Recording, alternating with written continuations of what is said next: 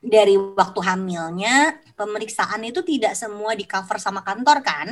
Uh, karena yeah. hamil itu bukan sakit ya. Jadi biasanya yeah. kantor itu cover kalau lo sakit. Hamil itu bukan sakit. Hamil itu natural process dan siapa suruh lo hamil? Sebenarnya kan gitu logika berpikirnya kalau ngomongin fasilitas kesehatan. Yang uh, dan menariknya adalah begitu melahirkan ongkosnya juga tinggi. The first two kids we had itu uh, anaknya waktu suamiku kerja di bank yang di posisi dia semua di cover 100% sampai vitamin kalau pakai tanda terima dibayar. Hmm. Jadi gue gue dan gue kucing angora ya, gue nggak bisa melahirkan normal, gue melahirkan semuanya sesar. Jadi dua anak pertama kita nggak tahu sama hal itu karena dibayarin kantor semuanya. Begitu anak ketiga apa? Bayar sesar berapa puluh juta? Jadi begitu hamil deposito udah gue nggak mau tahu nanti gue harus melahirkan bayar sendiri.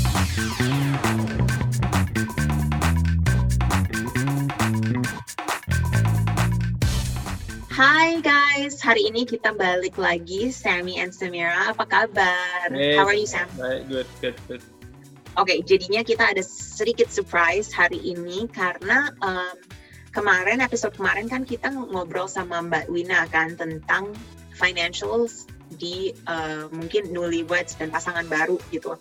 Tapi sebenarnya aku penasaran banget dengan um, financial setelah punya anak dan extend your family. Jadinya hari ini di Dompet Millennial, seperti biasa kita mau belajar. Dan hari ini kita belajar sama Mbak Wina tentang that exact topic, simply as the topic of kids and finances. Gimana kita bisa prepare, gimana kita bisa lebih, apa ya, lebih financially savvy juga ya Sam. Mm -hmm, mm -hmm. Yep, yang yang pasti salah satu biggest decisions about being in a relationship uh, is to have a kid. Jadi uh, kayak gimana orang nge-tackle dari sisi income and spending juga yeah. to adjust for having apa untuk punya anak. Um, okay, this is a this is real true story antara me and my husband. Jadinya kita udah punya dua two kids and um, obviously uh, you know maybe me and him kita dua-duanya entrepreneurs. Aku udah siap nih anak ketiga gitu. Ayo let's go tapi dia he's like uh, enggak mm -hmm. karena financially kita belum siap gitu. Tapi aku mungkin kayak yang ya udahlah insya Allah rezeki datang deh kayak gitu. Ya udahlah nggak apa-apa beres insya Allah oke okay, aku siap gitu.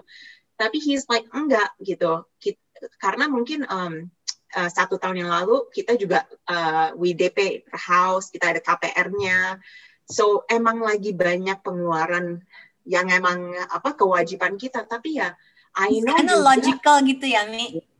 Kenapa? My husband is logical. more logical. I'm more like yaudahlah let's go. Kayak aku kayak aku mikirinnya my first child dia mau 9 tahun terus my second 5 tahun. Jadinya 4 tahun 4 tahun 4 tahun. Ini udah waktunya 4 gitu. tahun.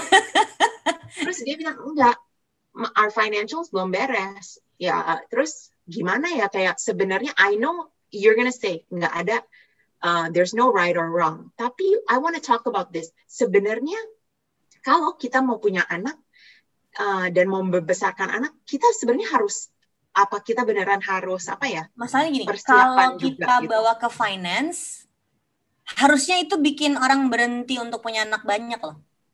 Iya kan? Iya, I know. Iya enggak sih? Karena if you talk about finance and kids, they're so expensive gitu loh. They're so expensive. Dan, dan ego kita tuh yang I wanna give you the best that is in the yeah. world. Jadi nggak ada nggak ada diskon gitu loh. Hmm, tetap mau yeah. itu yang terbaik. Apalagi waktu anak pertama Eden loh, gue beli yeah. box bayi dari Singapura. Mau tidur di situ Sam.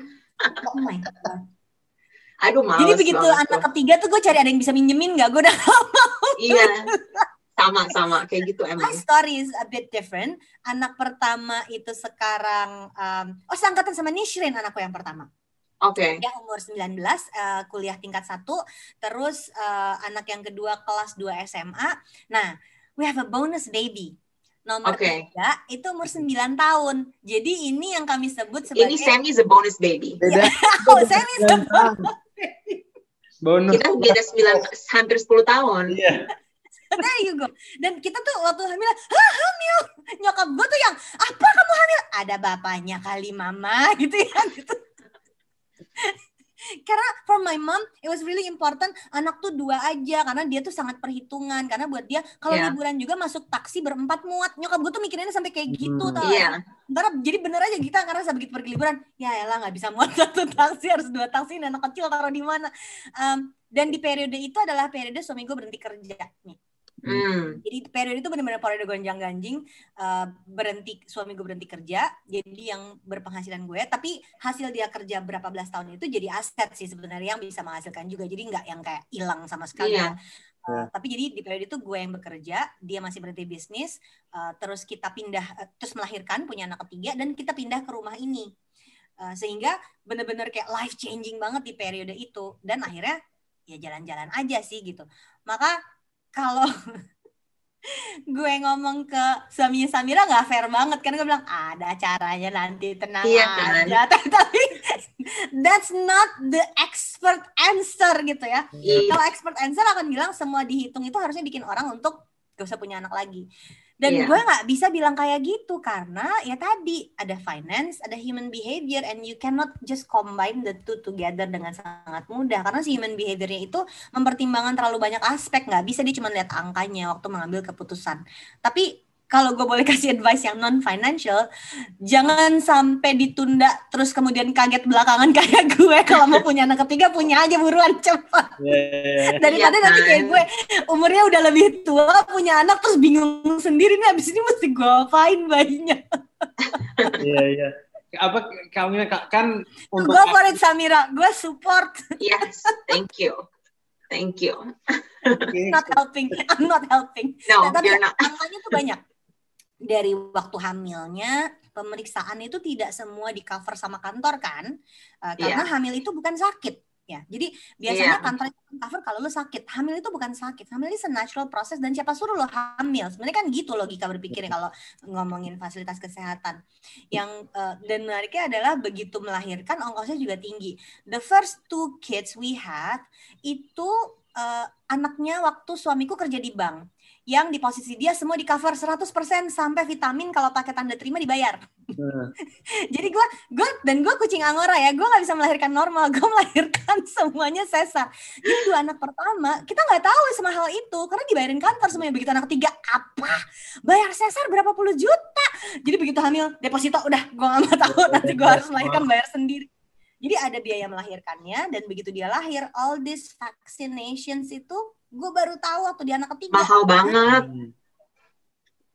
Waktu anak Tapi... pertama sama kedua semua dibayarin. Jadi jadi buat yang gue rasa ini jadi gue ngerti uh, logikanya uh, it's a financial burden to a family. Karena waktu anak ketiga a big shock ketika dua-duanya udah jadi entrepreneur like you said dan yeah. semuanya kita harus jadi karena kantorku dan kantor dia tidak punya fasilitas kesehatan seperti mm -hmm. bank tempat suami yeah. dulu bekerja Habis yeah. itu bayar uang sekolah. Dayu dayu babai bayar uang sekolah. Iya.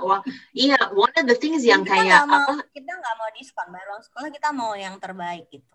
Betul, uh -uh. dan iya yeah, betul. We want the initially dan finally we always want the best for our kids gitu kan.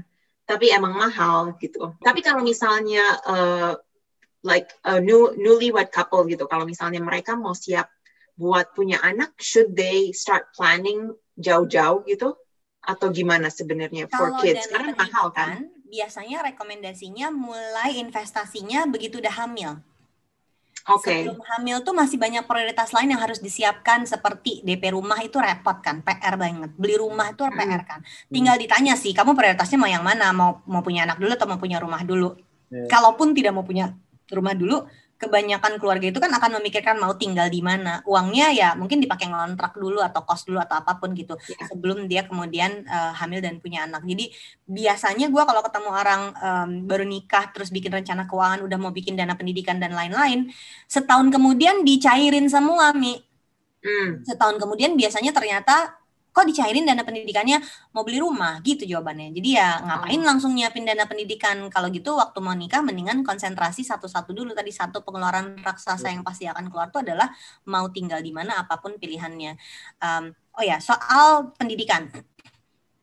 Gue tetap harus berpikir walaupun secara emosi akan bilang ingin memberikan yang terbaik buat anaknya yeah jangan lupa ada konsekuensi tadi kan. Jadi kalau mau nyekolahin anak ke sekolah yang standarnya internasional dan sangat mahal, tapi kemampuannya nggak ada di situ, lalu dipaksakan, konsekuensinya apa? Konsekuensinya iya. putus yeah. di tengah jalan. Hmm. Konsekuensinya ada yang gini, dibayarin sama kakek neneknya, terus di tengah jalan kakek neneknya berantem sama si orang tuanya ini, terus nggak dibayar tuh uang sekolah, hmm. repot lagi. Ada cerita-cerita yeah. kayak gitu, ada gitu.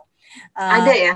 Terus ada, ada enak banget sih. Uh -uh uh, atau yang model gini um, memaksakan ingin sekolah yang seperti itu ternyata di sekolah seperti itu standar orangnya nggak sama jadi akhirnya mereka harus keeping up with, with appearances. Iya. Yeah. Pergi ke sekolah itu stres karena dia mobilnya bukan mobil yang bagus. Padahal mungkin orang-orang di sana nggak mikirin penampilan kayak gitu karena buat mereka itu normalnya mereka kan. Yeah. Tapi yeah. ketika lo masuk ke sekolah itu pakai mobil yang nggak terlalu mahal, sementara semua orang mobilnya wah sekali, siap nggak mentalnya?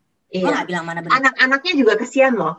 I remember when my anaknya kan ya anak-anak anak uh, anak-anaknya kan udah mereka udah punya handphone kalau hilang diganti terus gue nggak boleh gitu ya, dan hmm. dan itu mengganggu values kalau menurut gue jadi yeah, akhirnya nggak yeah. selalu berarti oh berarti gue harus cari sekolah murah nih nggak selalu berarti kayak gitu tapi ada consequences yang harus kita ikutin jadi kalau memang memutuskan dan udah investasi dan punya uangnya masuk ke sekolah anak dengan level tertentu di sananya kamu memproteksi apa sih anak ini untuk values values yang kita percaya supaya dia nggak ke bawah arah dan di mana pun ya nggak harus di sekolah mahal di sekolah negeri di sekolah biasa juga tetap values si keluarga ini kan yang kita harus proteksi. Kita nggak mau anak ini begini karena values kita begini. Kalau di lingkungan dia berbeda, kita siap nggak dengan konsekuensi itu? Hmm. Ya. Tapi kalau misalnya nih newlyweds, they get pregnant right away. They're, tapi belum siap dengan kayak uh, dana or emergency fundnya belum siap juga buat punya anak. What they should, what is their choices? Satu-satu. Karena ini lagi pandemi, kalau lagi pandemi, uh, eh, gue harus bolak-balik ngingetin dana darurat lo apa kabar, dana darurat lo apa iya, kabar. Yeah, yeah. Makin banyak dana daruratnya makin bagus. Kalau yang entrepreneurs ngecek cash flow perusahaan itu siap untuk support perusahaan untuk berapa bulan ke depan, cash flow kamu sendiri seperti apa sehingga kalau kantor kelihatan siap untuk beroperasi tanpa income tiga bulan, berarti dana darurat di kantor ada tiga bulan, lu pasti tiga gajian tiga bulan. Sementara kita sendiri punya tiga bulan, berarti lu punya enam bulan gitu. Oh, we're safe for half the year, setengah tahun ke depan kita tinggal berusaha untuk hidup setengah tahun berikutnya. Jadi untuk satu tahun 2021 tuh kita akan baik-baik aja. Tapi kemudian um, setelah ngomongin dana darurat, begitu newlyweds ini hamil, yeah. jangan kan newlyweds. Gue waktu anak ketiga itu begitu hamil, yang gue lakukan pertama karena gue tahu gue nggak punya fasilitas kesehatan yang akan bayarin sesar, gue langsung deposito sam. Oh. Gue langsung deposito mi, jadi gue langsung waktu itu berapa ya angkanya? Waktu itu 22 juta bayar uh, uh, opera, operasi langsung banget gitu langsung pas ada uangnya kalau nggak ada duitnya yeah. kan berarti selama 9 bulan gue harus nabung tuh iya yeah. Jadi pas uangnya ada nggak nyampe 22 sih 20 juta lah waktu itu gue ada langsung mas nih deposito nih 20 juta supaya kalau nanti melahirkan kurang 2 juta lagi kita bisa cari deh gitu. Tapi paling nggak gue tenang nih. Iya. Hamil tuh pas melahirkan gue nggak akan terlantar gitu kan Iya betul sih. Tapi emang harus satu, dulu. kalau misalnya uh, um, pendidikan anak bisa mundur nih, tapi melahirkan iya. kan dalam Iya, iya. Dan apa apa it's getting more more and more expensive sih. Aku aku juga kaget gitu di di Indonesia uh, waktu aku pernah melahirkan di Amerika dan di Indonesia. Di Indonesia lebih mahal loh. Oh ya? Iya, uh, Wow. Tapi ya, lumayan, lumayan. Jakarta kayak, tuh memang ongkos yang ongkos hidup tuh tinggi sih kenyataannya iya uh, one of the things that was actually surprising juga yeah. um, ongkos ongkos lumayan tinggi. Oh Kak Wina aku pengen nanya nih viewpoint orang yang belum menikah. Aku tuh udah stres banget apalagi ngelihat orang-orang udah punya anak ngelihat kayak kami ini anak-anaknya sekolah apa segala. Terus anak kecil uh, unfortunately growing ya jadi baju-bajunya juga tiap tahun pasti ada yang baru sepatu-sepatu juga baru-baru. Um, ada advice nggak untuk orang yang karena aku mungkin sama kayak suaminya Kak Mimi yang agak strict atau atau mindsetnya konservatif di mana uh, terlalu memikirkan hal-hal begini. Uh, ada tips atau anything you would say yang bisa encourage gitu untuk apa? Everything's gonna be okay, Sami. dia udah stress. Soalnya Sammy tuh pengen is gonna be okay. That you can afford everything that you want to afford. Uh, and I think more importantly, um, zaman sekarang terutama dengan tinggal di Jakarta yang standar hmm. level hidupnya memang cukup tinggi, yang yeah. Uh, gue sangat mendukung kalau memungkinkan suami dan istri dua-duanya bekerja. Uh, hmm. Jadi harus bentuknya kerja kantoran ya. Jadi gue yeah. bukan anti ibu rumah karena gue juga ngerasain jadi ibu rumah tangga tuh seperti apa. Yeah. Tapi um, buat gue ibu rumah tangga itu bukan profesi. Uh, dan dia tidak gue anggap menghasilkan uang. Berarti kan ibu rumah tangga ini menghasilkan uangnya uh, dari penghasilan suaminya. Tapi saat menjadi stay at home mom, bukan ibu rumah tangga ya, menjadi stay at home mom, ada banyak banget profesi menghasilkan uang yang bisa dilakukan.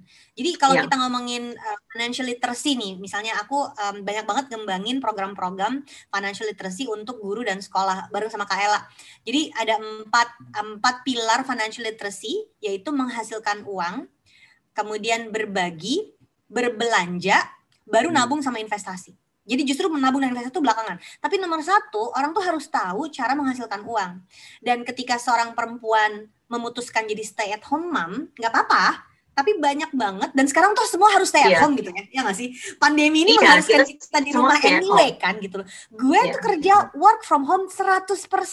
Yeah. Kantor tuh gue tutup fisiknya ketika gue lihat pandeminya dimulai di Maret April sekalian aja lah udah kerja di rumah gue bilang gitu. Karena gue khawatir nih sama staff gue. Dan ternyata akhirnya mereka semua yang enak mbak di rumah gue bisa sambil nyuapin anak dulu masak dulu ngapain dulu bilang gitu.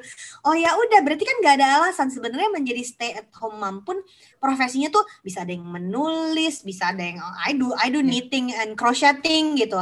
Ada yang bisa bikin podcast ada yang bisa bikin um, sekarang masak-masak di rumah dijadiin YouTube videos tuh udah banyak banget. Yeah there are so many things yang bisa dikerjain dari rumah gitu. So, gue sangat mendukung dan kalau itu memungkinkan si suami dan istri itu dua-duanya belajar menghasilkan uang karena yang gue rasain saat gue akhirnya bisnis gue udah menghasilkan, the power to invest itu double. Iya. Yeah. Dan itu yang kerasa banget. Uh, kayak, kayak sekarang aja gitu ya, yang dilakukan lagi gue, uh, dia merasa uh, now I can afford uh, to um, pay for everything dia bilang gitu. Jadi dia yang bayarin uang sekolah anak, cicilan rumah dan lain-lain, investasi rutin juga dia yang kerjain. Tapi ketika gue bilang, gue ada sekian nih bisa sebulan, oh setor aja tuh ke rekening investasi kita yang gabungan. Jadi gue ada hmm. satu rekening investasi gabungan, setor aja ke situ. Nanti kita belanja sahamnya bareng-bareng dari situ. Let's decide together. Jadi misalnya tadinya dia cuma setor lima ke situ, ketika gue bisa setor lima itu kan iya. jadi dua dua kali iya. lipat gitu. Lebih powerful jadinya. Tapi jangan khawatir soal Nah, jadi the power to invest and to um, make uh, hilang lagi Sami. The power to invest and to uh, afford things we want, kemampuan kita untuk berinvestasi dan kemampuan kita untuk menyediakan yang terbaik untuk keluarga itu bisa terjadi pada saat dua-duanya berpenghasilan. Iya, yeah. so you are apa uh, in support of two, dual income ya. Tapi kalau misalnya, is it is it the times juga sekarang emang lifestyle kalau misalnya kita mau keep up with the apa ya like a more luxurious or more abundant lifestyle emang perlu dua dual income sekarang uh, sulit kalau memang mau punya luxurious lifestyle tapi cuman dari uh, one income yeah. untuk kebanyakan orang nggak selalu sih kalau memang yang uh, yeah, sih. Uh, in abundance dari awal nggak ada masalah tapi uh, terutama untuk perempuan ketika kita mau beli hal-hal yang luxurious yang tentu saja yeah. harusnya less priority ada branded bag yang kita naksir kah yeah. atau ada uh, skincare deh yeah. um, kalau branded bag we can wait kan ya tapi skincare yeah. kan we cannot wait kan nih yeah.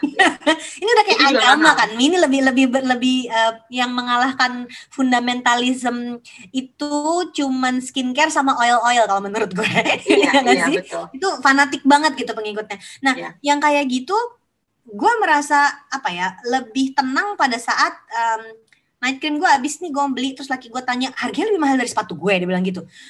Tapi kan gue bayar sendiri. Iya. Ganggu duit loh gue bilang gitu. Dan dan jadinya itu buat gue freedom gitu. I can do yeah. I can afford. Tapi do you do you give him the same freedoms juga? I never say no if he wants to buy something. Tapi sepertinya memang dia tipe orang yang akan menunda beli barang mahal menunda lagi menunda lagi uh, we've been Sampai talking enggak. about buying sama PS5 I think the last six months diskusi itu nggak selesai selesai. Karena gue beli tas beli tas aja gitu nggak nanya sama dia. Iya, nah, iya, tapi gue bukan kami berdua bukan tipe yang kalau mau beli sesuatu harus minta izin tapi memang selalu ada dalam diskusi. Jadi jadi kayak uh, dia pengen uh, beli TV itu dia akan bikin prioritasnya dulu mana yang lebih prioritas di atas si TV itu? Misalnya ternyata AC kamar anak ada yang harus diganti. Oh ya udah si TV turun lagi prioritasnya gitu. Tapi kalau dia okay. mau gue nggak pernah ngelarang. Kan iya. ada yang istri gue nggak ngasih beli sepeda baru lah atau um, sepeda barunya ditaruh di kantor biar nggak ketahuan. Kan ada yang kayak gitu-gitu ya kalau yeah. kalau kita ngomongin keuangan keluarga gitu ya di gue nggak tahu. Atau mungkin gue nggak tahu. Nggak tahu juga nih gue juga uh, laki gue kantornya di rumah sih jadi nggak ada iya yeah, so nothing. Sekarang udah nggak bisa. Sekarang gak bisa. udah benar bisa. Iya sih tapi like one of the things about kalau misalnya kita nunggu punya anak later gitu uh, at least we have that time to earn more money juga sih sebenarnya. Kayak like misalnya aku sama Sammy ya. Hmm. Sammy is later in my parents' life gitu kan. Jadinya mereka udah very financially lebih stabil kan ya. Uh-uh. Jadinya lebih enak gitu juga. So privilege-nya lebih banyak. Um, ya, yeah. tapi it's like the opposite gitu. Waktu anak pertama malahan mereka uh, not financially secure yet. Jadinya mungkin lebih apa ya? Ya lebih enak kayak punya anak later in life juga so you can afford more for the child gitu. That's tapi true. Ya. Tapi yang kita harus ingat juga bahwa timing untuk uh, eh, gue nggak suka sih menyebut ini timing tapi kenyataan ini timing ya. Timing untuk membesarkan anak itu kan ada jangka waktunya yang uh, terbatas gitu ya. Ideal. Jadi kayak biasanya nggak selalu tapi biasanya periode pensiun kan di umur 55 sampai 60 tuh. Jadi kalau baru punya anak di umur 40-an ke atas, maka ya. anak ini nanti waktu umur 15 kita udah pensiun. Hmm. Nah, itu juga perlu jadi consideration. Tentu saja kan ada yang memang uh, menunda, tapi ada yang memang um, hamilnya tuh memang lebih sulit, jadi lebih lebih yeah. sulit untuk hamil sehingga dia bukan menunda, tapi memang dia baru dapat dikasih anaknya setelah umur 40 gitu. Jadi yeah. gue kebanyakan tadi kan gue koreksi sedikit gue kebanyakan kalau orang nanyain dana pendidikan kapan bikin dana pendidikan itu setelah hamil gue bilang gitu kan ya yeah. itu berlaku untuk yang umurnya di bawah 38 lah jadi kalau hmm. umur 38 masih berencana untuk hamil dari sekarang bikin dana pendidikannya dan itu terjadi pada salah satu temen gue yang uh, Win gue umurnya udah 35, gue nggak tahu kapan akan hamil, gue bikin dana pendidikannya kapan? Biasanya kan abis hamil baru bikin. Gue bilang yeah. gue bikin dari sekarang aja, gue bilang gitu. Terus dia hamilnya yeah. tuh di umur 38. Nah, jadi waktu anaknya lahir, dia udah punya dana buat SD. Dan itu buat dia okay. menenangkan hati banget karena dia tahu buat iya sih. SD abis itu dia tinggal nyiapin SMP, SMA, S1 sementara dia tahu periode produktif dia tuh terbatas untuk si anak ini gitu. Jadi itu iya. tadi balik lagi kan nih uh, story orang beda-beda maka persiapan tuh nggak bisa sama persis tapi iya. ada hal-hal universal yang harus kita samain kuncinya gitu bahwa iya. ya dana pendidikan semua harus nyiapin tinggal kapan mulainya tuh mungkin akan beda-beda tiap orang. Yeah, that's the key sih, that's the key. Um, tapi I've learned a lot. Maksudnya kayak sekarang I'm gonna ask my my husband nih, kayak let's do it, let's go, I'm ready. ya, beranak lagi mi, gue dukung. Do I know? Gue baca di Instagram lo hamil, gue akan sorak-sorai. Yes. Aku juga, aku juga kayak you know what? I just tell everybody. Ya udah doain aja. Jebak apa aja, Mi. Jebak aja. Aduh. Oh, gak bener nih ngajarin gak bener. Only. if only. Tapi aku senang banget deh dengan um, like learning about this because I feel like uh, you know I've been married udah 12 tahun tapi bener-bener kayak kadang-kadang dengan financials tuh tidak intentional, you know. Yeah. So um, it's just like ya udahlah net net positive. I know I'm doing it right tapi I really like having this conversation biar keinget juga sih sebenarnya ya iya itu ada logic tapi ada human emotion ya. juga ada, ada satu kita lagi harus lihat konteks-konteks kita juga gitu kan ada satu lagi menurut gue yang orang harus ingat bahwa ya. ngomongin apa yang kita inginkan bersama itu bisa membantu memperkuat relationshipnya mm-hmm. jadi kayak waktu waktu gue sama suami ngebahas buat dana haji, waktu kami yeah. ngebahas uh, nih si anak paling besar nih kuliahnya uang uang sekolahnya mesti harus berapa, uh, sama yeah. uh, satu satu prestasi besar kita tahun 2020 kemarin itu adalah akhirnya kebeli tanah di gunung. Uh, biar nggak cuma Samira doang yang ada villa. gue lihat di Instagram Desi. um, gue pengen ada tanah di gunung yang bisa jadi kayak rumah uh, pensiunan gitu deh. Uh, yeah. Dan ternyata si tanah itu kebeli. And, and that that's something that we both share gitu. Sesuatu yang kita yeah. berdua aja nih. Orang lain tuh nggak ikutan. Dan itu membuat menurut gue itu bonding yang luar biasa. Buat Sangat romantis sih itu. Iya, itu kan bonding banget ya. Terus kita di foto di tengah-tengah tanahnya itu, Mi. Iya, itu itu sangat romantis sih. Opa-opa like, mama banget. iya. Nah, tapi ini yeah. kayaknya ini yang kayaknya orang suka lupa bahwa uh, biasanya kan ngomongin keuangan itu identik sama berantem. Dan mm. ada loh datanya yang nunjukin kalau uh, alasan paling banyak orang bercerai di kemen, di departemen agama itu ada di pengadilan agama sorry di pengadilan agama itu alasan paling banyak bercerai itu karena masalah ekonomi. Iya. Yeah. Tapi sebenarnya buat gue justru angle-nya beda. Justru dengan keuangan yang lebih baik, lu bisa bonding yang lebih baik dengan pasangan lo dan uh -huh. ini yang harusnya kita dengungkan buat orang-orang jangan bikin si keuangan ini yeah. jadi negatif malah bikin ini jadi sesuatu yang meng mengikat sama-sama mengikat kita together we're a team yeah. gitu. jadinya kita benar-benar harus nge-welcome conversation ini jadi everyday dan itu yang akan mengikat kita juga karena ya kita, we're working for the same dream yeah. right we're working we're for the, the same dream ya harus antara si suami istri ini kan obrolannya ada hal-hal yang nggak bisa diobrolin sama orang lain. Cuman cuman dia yang yeah. ngerti nih gue mau ini nih dia ngerti nih gitu. Iya iya betul. Tapi I've learned a lot. Sam gimana? Are you ready? I mean everything's gonna be alright everything's gonna be fine. that one person. Sammy wants to have four kids that's why. Iya makanya. Tapi lama-lama kayaknya tambah dikit deh kayaknya sekarang udah dua aja deh cukup. Habis conversation ini jadi dua katanya mulai ngatur-ngatur. um, tapi anyways, uh, I very happy to have uh, Mbak Wina hari ini. Kayaknya oh, and Sammy benar-benar belajar banget tentang um, apa ya kayak financials for the human heart itu ya hari Definitely, ini. Yeah kita tagline ada human heart gitu. Finance should be practical karena gue kuliah S1 S2 finance semuanya theoretical. Begitu mau dipraktikin kok jauh banget ya orang kok banyak nggak ngerti ya gitu. Jadi pengen ada kayak bridge in between dari teori itu ke prakteknya. Makanya ya harus consider si human relationship ini. Iya. Yeah. Agree, agree. Yeah, totally. Mbak Wina, thank you so much for coming today. Anyways, for all of you Dompet Millennial listeners, kalau misalnya you guys want to learn more, go and visit QM Financial, where you can learn more um, about anything from financial literacy to like managing your couple uh, finances and become more empowered lah ya and learn with them. And also kalau misalnya kita mau dengerin komedinya kapan nih? Ada sebenarnya uh, digital downloadnya di comika.id. Comika.id. Okay, awesome. So and all, also for you guys, um, kita selalu ada episode baru setiap minggu and Sammy is now back in Jakarta. Jadinya uh, soon we will be back in the studio. So thank you again. Um, Sama-sama. Welcome back, Sammy. Yeah, thank you. thank you guys for listening. Thank you, Samira. Thank you, Sammy. Bye-bye. Bye.